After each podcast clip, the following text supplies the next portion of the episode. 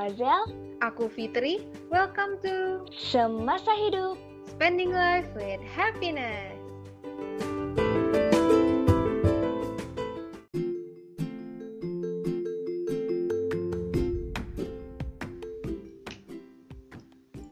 Hai Sobat Hidup. Wih, panggilan baru nih Zel. Iya dong, biar kece. Uh, biar semakin dekat ya. ya, betul banget. Hai Sobat Hidup. Wah, di episode kali ini kita mau bahas nih tentang rumor-rumor psikologi. Asik tuh gosipin psikologi. Iya, kita kemarin udah sempet ini ya Zel, buka open question di Instagram kita berdua. Dan ternyata banyak banget pertanyaan-pertanyaan menarik yang masuk dari teman-teman kita. Iya, alhamdulillah banget nih teman-teman antusias ya. Yes. Kita jadi happy juga ya buat nyari-nyari jawabannya. Yes, bener. Nah, karena pertanyaannya masuk juga banyak, jadi nanti untuk di episode Gosipin Psikologi ini kita bakal bikin jadi dua sesi ya teman-teman. Yang pertama itu sesi menjawab mitos atau fakta, yang kedua hmm. itu adalah psikologi menjawab. Uh, Oke, okay, berarti di episode yang kali ini kita mau mulai dulu dari yang mitos atau fakta ya? Yes, betul banget. Nah, ini teh sebelum kita mulai mitos atau faktanya, hmm. ada pertanyaan yang menarik banget nih buat jadi awalan. Wah, apa tuh Zel? Pertanyaannya, stigma masyarakat apa sih yang sering didengar tentang mental health di Indonesia? Uh, ini sering banget ya kita dengerin stigma-stigma yang beredar tentang hmm, mental health di Indonesia. Yang masih salah banget. Betul. Ada yang pertama nih, ada tentang introvert. Sering kita dengar kalau orang tuh bilang introvert itu adalah ansos atau antisosial. Nah, ini salah ya. Ya. Introvert, extrovert itu emang masih banyak banget yang salah. Nanti akan kita bahas di sesi yang kedua ya. Yes. Oke. Nah, yang selanjutnya banyak juga yang berpikiran bahwa bipolar itu sama dengan gila. Mm, mm, mm. Totally nah, iya, dan ini bukan bipolar doang sih. Orang-orang ngiranya bahkan orang-orang tuh mikirnya semua gangguan mental itu sama dengan gila. Padahal kan enggak dan kayak definisi gila tuh apa sih? Kayak gitu. Iya benar-benar. Bahkan uh, kadang kalau misalkan ada klien gitu atau siapa pun teman kita hmm. yang mau datang ke psikolog itu udah terstigma ih gila ya gitu. Iya dan itu menghambat ya Mm-mm. menghambat seseorang untuk berproses demi kesehatan mental yang lebih baik betul Betul. terus ada lagi nih Zel Stigma yep. yang ketiga itu depresi itu sama dengan kurang beriman. Waduh, berat Aduh. juga ya. Aduh, tidak semudah itu teman-teman untuk menghubungkan kesehatan mental dengan religiusitas seseorang kayak gitu. Itu kompleks banget. Jadi kita nggak bisa asal ngejudge kayak gitu aja. Hmm, bener-bener. Oke, lanjut. Nah, ini nih menarik banget karena berhubungan sama duniaku di sebagai terapis ABK. Mm-hmm. Katanya sibuk dengan dunianya sendiri itu adalah autis. Hmm, sebel nggak sih? Sebel banget coba. Kayak autis tuh uh, sesuatu gangguan yang benar-benar komprehensif, yang banyak banget yang harus dilihat dari berbagai aspek. Dan ini orang yang cuman kayak asik sendiri aja dibilangin autis gitu. Itu autis atau cuek? Iya, bahkan sering banget ya itu buat jadi bahan bercandaan. Kalau misalkan iya, ada teman-teman kita yang lagi sibuk nih megang HP-nya terus, terus dibilang ih autis lo gitu. Nah ya benar padahal buat diagnosa autis aja tuh butuh proses yang panjang dan butuh dengan ahlinya kayak gitu. Bener. Lanjut nih Teh. Ada lagi ya? Iya ini bicara dengan diri sendiri sama dengan sakit jiwa. Aduh. Padahal enggak ya Mm-mm. bicara dengan diri sendiri atau mungkin teman-teman sering dengar self talk itu tuh sebenarnya bisa jadi salah satu langkah yang digunain buat ngebantu kita ningkatin mental health. Yes, bener banget. Nah itu bahkan sekarang tuh lagi digemang-gemangin banget sih buat self talk kayak gitu dan itu buat bisa ngebantu self love dan masih banyak uh, manfaat-manfaat lainnya yang positif hmm. ya. Betul. Ini mungkin bisa dibahas ya nanti di episode-episode mendatang. Iya, nah ini kebetulan stigma-stigma yang kita sebutin tadi kita yes. dapatkan dari hasil membaca kita di artikel yang dikeluarkan oleh Pijar Psikologi. Yes. Nah, jadi itu sejumlah uh, stigma-stigma yang beredar ya, dan itu mengawali pertanyaan yang temen salah satu teman kita ajukan. Oke, kita masuk lanjutannya ya tentang mitos atau fakta. Oke. Yang pertama, mitos atau fakta psikolog sama dengan psikiater. Hmm, jawabannya mitos. Jadi, uh, sobat hidup, psikolog sama psikiater itu beda ya karena jenjang pendidikannya pun tuh juga berbeda kalau misalkan psikolog itu dari sarjana psikologi kemudian dia berlanjut ke profesi psikolog sebagai psikolog dan kalau psikiater itu dia S1-nya itu kedokteran, terus nanti ngambil iya. spesialis ya. kejiwaan lagi. Jadi jadi hmm. jenjang pendidikan aja udah beda ya. Udah beda ya. Nah, walaupun mereka berdua ini psikolog dan psikiater itu bergerak di bidang yang sama yaitu kesehatan jiwa, tetapi proporsi pekerjaan, tugas dan tanggung jawabnya itu ternyata beda. Iya, bener banget. Nah, ini karena yang berbeda ini malahan sebenarnya dalam realisasinya mm-hmm. yang baik itu adalah psikolog dan psikiater itu saling kolaborasi kayak gitu mm-hmm. untuk menangani klien.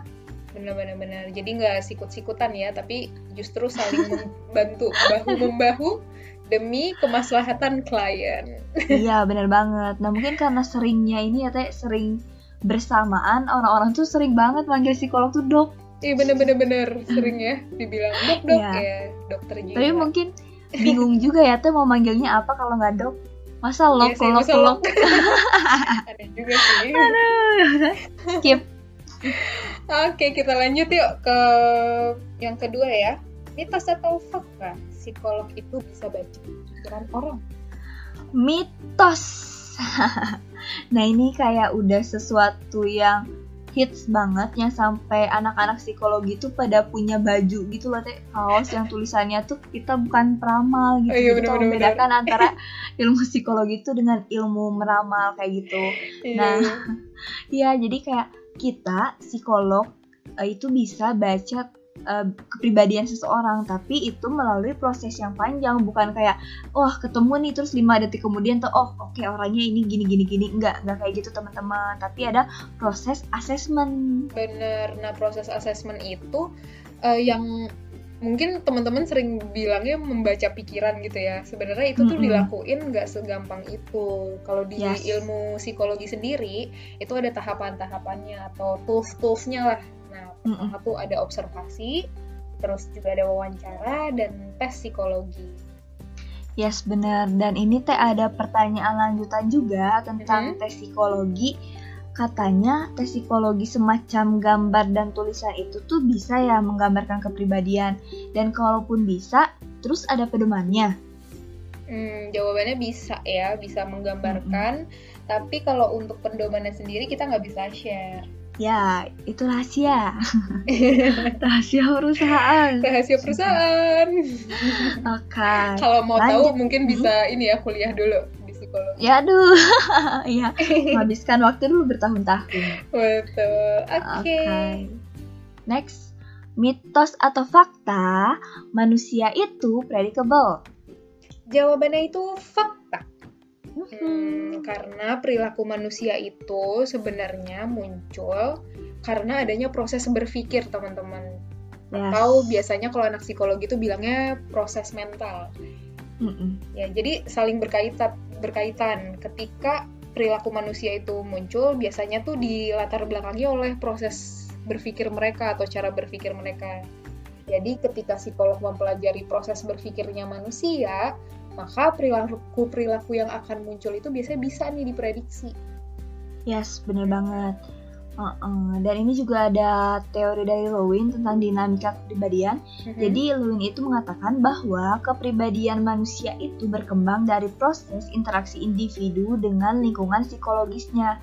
Nah itu dia merumuskan bahwa life space itu sama dengan person plus environment. Nah ini kayak sama dengan ditambah tuh mirip banget ya sama rumus-rumus matematika kayak gitu. Jadi iya jadi sama aja kayak, kayak kalau kita lihat manusia kita tahu life space-nya, kita tahu environment-nya, kita bisa lihat personnya tuh kayak gimana gitu. Bisa kita bisa memprediksi kayak gitu ya sama dengan ilmu-ilmu lainnya. Jadi manusia itu memang bisa predictable gitu. Hmm, yes, setuju, setuju, setuju. Gitu. Oke, kita lanjut. Nah, ini nih, aduh, ini mitos atau fakta yang sering terdengar ya. Jadi, Hmm. mitos atau fakta, psikolog bisa hipnotis atau cuci otak. Duh, mitos lah. Iya, karena tuh? mungkin karena mungkin di sini yang di pikiran sobat hidup ketika menanyakan ini mungkin hipnotisnya tuh yang kayak ini ya, yang kayak di TV TV terus Iya, buat iya. ajang entertain gitu yang kan. sekali pegang tidur gitu ya.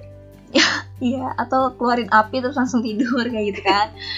ya kayak gitu atau kayak malah yang dijadiin hipnotisnya tuh buat kayak diangkut terus Hmm, nipu-nipu orang lewat benar-benar. hipnotis ya. Kalau misalnya yang dipikirannya seperti itu ya tentu saja tidak kayak gitu. Nah, tapi di aliran psikologi sendiri ada salah satu aliran yang menggunakan teknik hipnotis ini untuk kebutuhan terapi klien. Nah, tapi di sini pun kliennya itu harus 100% setuju gitu untuk menjalani proses ini nggak ujuk-ujuk kayak yang di rumor-rumor tentang hipnotis kayak gitu Iya, karena eh, klien itu kalau misalkan di hipnosis itu kan eh, tujuannya tuh ngebuat klien lebih nyaman ya. Jadi Hmm. bukan bukan tidak sadari secara full gitu kayak di bios Yes. gitu. Tapi gimana lebih lebih apa ya? Lebih membuat klien itu merasa nyaman, merasa rileks. Jadi Mm-mm. mempermudah klien untuk menceritakan hal-hal yang mungkin berat gitu untuk diceritain. ya betul Jadi hipnosis atau hipnotis itu bisa jadi salah satu pilihan untuk psikolog buat nanganin kliennya. Iya, tapi bukan itu doang ya, Teh. Maksudnya kita kan Mm-mm. eh, sebagai psikolog tuh punya berbagai pilihan cara intervensi ya. Jadi bukan Yes. itu bukan satu-satunya doang. Mm-mm. Salah satu pilihan. Yes, betul. Oke, lanjut. Mitos atau fakta, apakah mungkin pasien memanipulasi kondisinya hingga menipu psikolog? Waduh, drama nih. Ini kayak di film-film ya.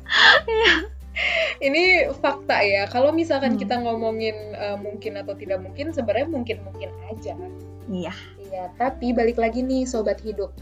Karena psikolog itu mempelajari tentang proses mental atau proses Mhm. berpikir dan perilaku manusia, maka memungkinkan juga nih buat psikolog untuk menemukan kejanggalan-kejanggalan ketika Ya. pasien yang tadi itu dibilang memanipulasi, itu psikolog bisa sadar gitu. Ya, benar. Mm-mm, karena ya balik lagi tadi kan eh, perilaku manusia itu bisa diprediksi, predictable, terus juga ada langkah-langkahnya untuk mendiagnosa. Jadi itu bisa aja gitu terjadi. Tapi ya itu balik lagi psikolog punya apa ya? Istilahnya punya magic-magic Widih. yang bisa melihat itu. Tapi sebenarnya yang mau dilurusin bukan ini sih, yang mau dilurusin tuh hubungan antara psikolog dan klien itu punya tujuan yang lebih besar gitu loh, bukan sekedar untuk menipu atau tidak menipu, tapi gimana caranya supaya hubungan klien ini dengan psikolog itu terjalin secara baik dan klien Yes, bener banget. bisa lebih optimal dalam menjalani hidupnya. Iya, jadi ini kan sebenarnya buat klien sendiri ya. Maksudnya buat kepentingan klien sendiri gitu. Yes. Jadi untuk apa mahal-mahal bayar psikolog kalau misalnya ujung-ujungnya juga buat nipu dan gak menghasilkan sesuatu yang bermanfaat untuk diri kita. Gitu. Hmm, bener-bener bener. Oke, cukup jelas ya. Kita akan lanjut. Eh, mitos atau fakta, psikolog bisa menyelesaikan semua masalahnya dengan sendiri. Ada dede mitos dong. Psikolog juga manusia. Psikolog juga manusia. Jadi psikolog itu butuh bantuan juga teman-teman Hmm. untuk menyelesaikan masalahnya. Walaupun memang eh, dalam beberapa hal bisa lebih ini ya, maksudnya lebih aware gitu, lebih tahu bagaimana cara menyelesaikan masalah. Tapi kalau misalnya udah masalahnya cukup berat kayak gitu ya sama psikolog juga eh, butuh orang lain untuk mengambil peran supaya melihat permasalahannya itu dari helikopter view kayak gitu. Karena kan kalau psikolog sendiri kan kalau menangani klien itu melihat permasalahannya itu dari helikopter view ya. Nah, ketika psikolog dalam masalah, ya dia tuh jadi bagian dari masalah itu juga gitu. Jadi nggak bisa melakukan helikopter view tersebut. Hmm, jadi melihat masalah itu dari atas gitu ya. Jadi kelihatan bisa dipetain masalahnya tuh Iya. seperti apa. Dan Terus lebih tapi- objektif. Mm-mm. Terus kalau kayak gitu gimana Zel caranya psikolog kalau misalkan dia punya masalah? Nah, tentu saja uh, menghubungi psikolog yang lainnya kayak gitu. Hmm, Nah ini call sama aja sih kayak mm, yes betul banget call a friend. Nah ini sama juga sih kayak misal dokter jantung ya dia kan eh, secara jadi dokter dia bisa lebih menjaga kesehatan jantungnya. Nah tapi kan Hmm. kalau misalnya butuh operasi dia nggak mungkin operasi sendiri kan pasti dia Iya, juga minta bener-bener. tolong buat dokter ke, ke dokter yang lainnya kayak gitu. Hmm, iya iya iya. Oke next ya Oke. mitos atau fakta psikolog bisa bikin diri sendiri jadi kehilangan arah. Oh no, kehilangan arah. Aduh. ini ini mitos ya. Yes, betul banget. Dan ini sih teh ada behind the scene dari pertanya eh, pertanyaannya. Jadi Mhm. mungkin di pikirannya karena kan psikolog itu kerjaannya dengerin orang cerita. Mhm. Nah, itu kan ceritanya tuh beda-beda ya, Teh. Bisa nggak sih psikolog tuh jadi hanyut juga ke cerita kliennya dan jadi merasa bimbang akan dirinya sendiri? Jadi gini sih sebenarnya. Kan konsep dalam menolong itu tuh adalah harus lebih kuat ya. Ibarat kayak kita kalau lagi di pesawat nih ada ibu dan Mhm. anak lagi turbulence atau tiba-tiba keluar nih masker oksigen yang harus dipakai dulu itu orang tuanya kan. Yes. Setelah itu dia baru bisa nolong anaknya. Jadi Mhm. otomatis yang mau menolong itu harus punya search dulu nih. Ya, energi dulu gitu harus lebih kuat. Nah jadi sama halnya dengan psikolog. Karena tujuannya psikolog ini mau membantu klien makanya kalau misalkan mereka merasa aduh eh, kayaknya masalahnya ini related banget sih nih sama diri aku gitu. Kayaknya aku kurang apa ya kurang oke lah gitu untuk menangani masalah klien yang seperti ini itu bisa di refer ke rekan lainnya atau psikolog Yes, lainnya bener banget. Nah, ini juga sih setahu aku tuh kalau misalnya untuk eh, kuliah S2 profesi psikolog tuh jadi dalam kuliah itu ada role play role play kayak konseling gitu. Jadi eh, kadang jadi klien, kadang jadi konselornya istilahnya kayak gitu. Nah, di situ tuh jadi proses seorang psikolog itu untuk self healing dan juga mengenali dirinya kayak gitu. Jadi sebelum jadi psikolog itu eh, ya calon-calon psikolog itu ditantang gitu untuk mengenali dirinya supaya tahu isu-isu mana nih yang eh, menyangkut dengan dirinya supaya ketika nanganin klien nggak jadi kebawa nggak jadi kebawa cerita karena juga terrecall kembali gitu ya isu-isu yang benar-benar menyangkut dengan dirinya kayak gitu dengan psikolog lebih mengenali. Jadi lah tahu oh ini adalah kasus yang bisa aku tangani tapi untuk kasus-kasus yang dirinya sendiri belum healing pasti di refer ke psikolog lain kayak gitu. Hmm, jadi berarti dengan psikolog itu lebih mengenal dirinya, dia lebih bisa objektif dan memilah-milah ya. Yes, makanya. Jadi eh, menghindari psikolog itu hanyut ke cerita dari kliennya kayak gitu. Yes. Alright, Oke. menarik ya. Lanjut, em, ada lagi nih, mitos atau fakta ilmu psikologi itu belajar tentang body language. Fakta. Nah, ini waktu dulu aku kuliah S1 psikologi itu sempat jadi asisten dosen di mata kuliah psikodiagnostik 1 atau itu tuh observasi. Nah, di observasi itu ada yang namanya ilmu pernyataan sobat hidup. Nah, di ilmu pernyataan ini kita ya bicara juga seputar kayak body language kayak gitu tentang kayak mata kalau ngeliat ke kanan itu artinya apa kayak gitu. Terus kalau misalnya posisi tubuhnya seperti ini itu artinya apa kayak gitu. Nah, cuman ini Mhm. kita belajar tuh dalam satu ini doang sih satu materi doang jadi bukan berarti karena S1 psikologi itu langsung jadi expert bisa baca body language gitu enggak karena itu juga cuma jadi satu bagian materi doang kayak gitu dan yang perlu dinotis adalah eh, kan body language itu kayak hits banget ya teh maksudnya kayak digunain banyak orang juga ya Iya, kayak iya. oh matanya lihat ke sini kayaknya bohong deh nah Hmm, jangan sampai kayak hmm. gitu karena kan body itu besar ya maksudnya body itu bukan cuma mata gitu ada kaki ada Hmm. posisi tubuh ada postur tubuh nah buat buat mengatakan bahwa oh ini X ini Y itu nggak bisa dilihat dari satu bagian tubuh doang kayak gitu Betul. Jadi itu sebagai informasi pendukung ya. Kita nggak bisa mengacu pada satu informasi itu dan menyimpulkan secara langsung. Ya bener banget gitu. Dan tadi udah dibilangin juga kan eh, kalau misalnya yang body language itu kan aku pelajarinya itu di mata kuliah observasi ya sobat Mhm. hidup.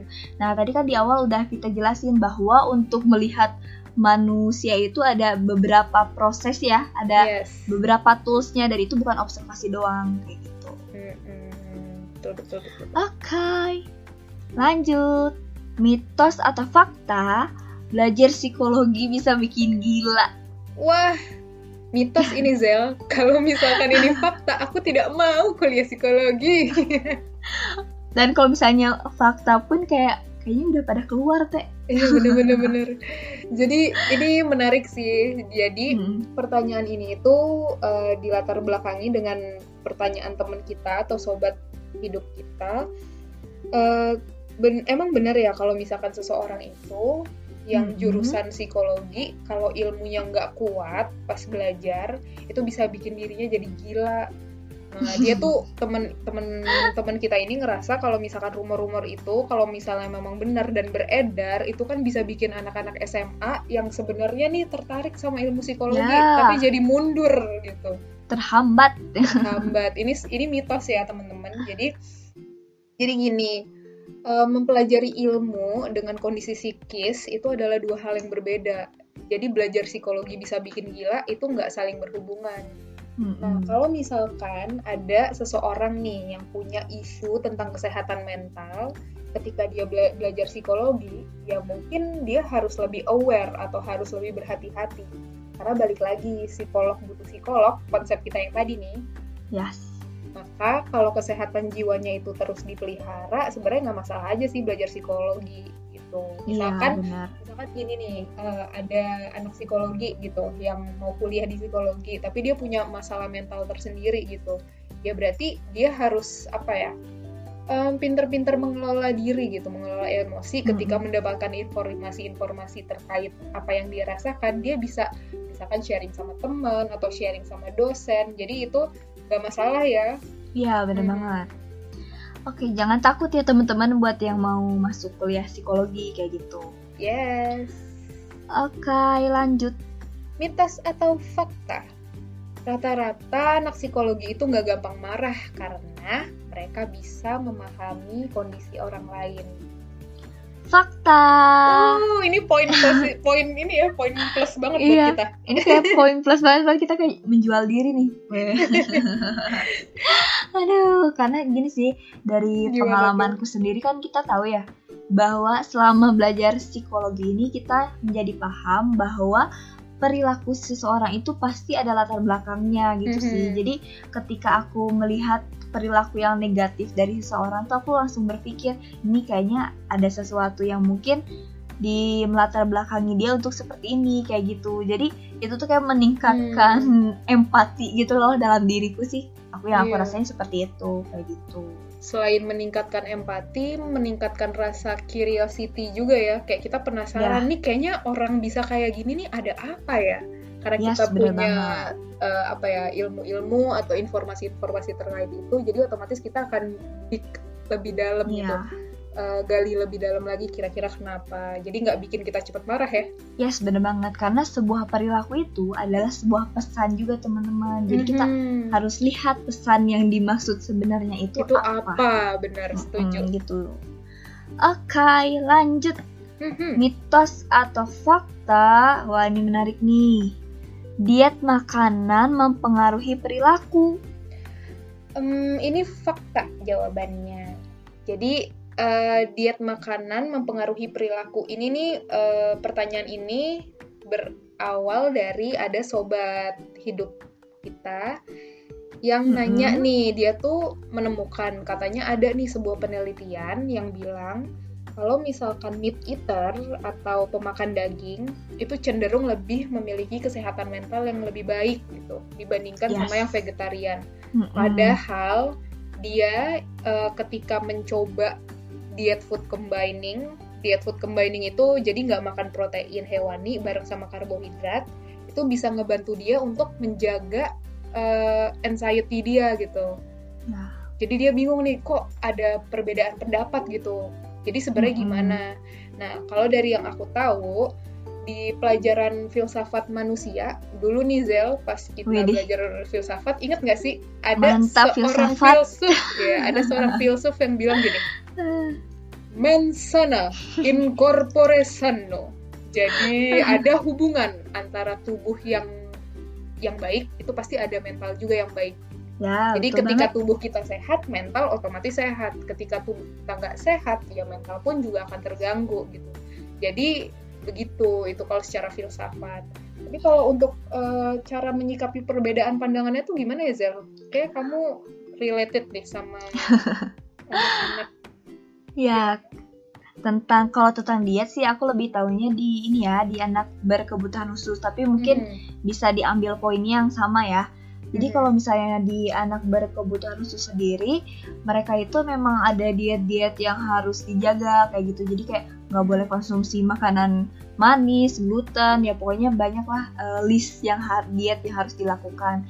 Nah ini si diet ini sih aku sebagai terapis ngerasain banget bahwa ketika anak yang menjalani diet perilakunya juga berubah kayak gitu. Jadi Hmm. ini positif cuma sebenarnya si diet ini masih jadi perbincangan yang hangat gitu antara positif dan negatifnya di para ahli kayak gitu. Hmm. Nah, untuk menyikapi sendirinya sih ketika kita memilih nih oke aku mau diet ini coba kita telusuri juga kita observasi juga apakah benar ketika misal kita tidak mengkonsumsi coklat apakah perilaku kita jadi lebih stabil nah gitu jadi kita harus lebih uh, aware harus lebih empati harus lebih teliti juga melihat diri kita sendiri kayak gitu nah kalau misalnya ada nih ada perubahannya Nah, itu baiknya dikonsultasikan juga ke ahli gizi kayak gitu. Jadi Hmm. jangan sampai karena diet untuk perilakunya berubah tapi gizi-gizi secara umum yang harus kita penuhi sebagai manusia itu juga jadi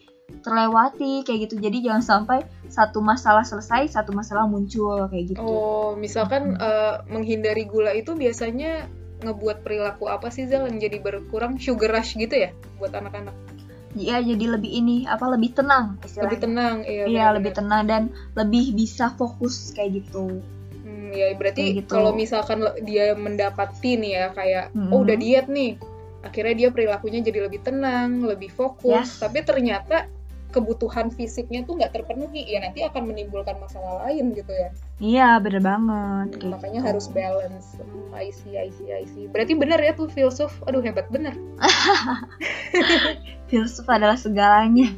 Uh, Oke deh, kita lanjut ya. Mitos atau fakta? Nggak tahu malu sama dengan gangguan mental. Uh, mitos. Nah, Apa ini nih? Dan tahu nggak tahu malunya tuh yang seperti apa gitu. Jadi ini menimbulkan pertanyaan yang besar.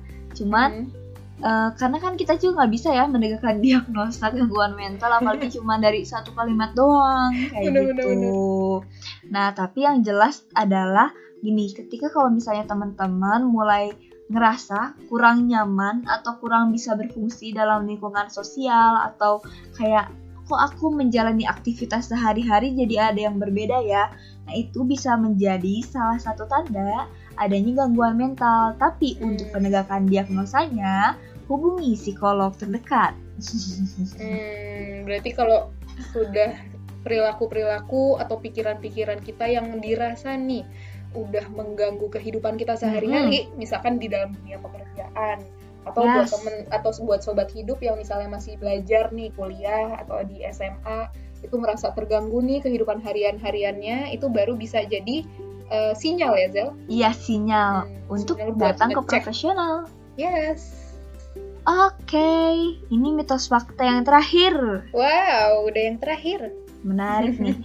Mitos atau fakta, hasil diagnosis lebih bahaya dibanding gangguan mental itu sendiri. Wait, wait, wait, wait, wait. wait. Coba kita baca ulang pertanyaannya ya.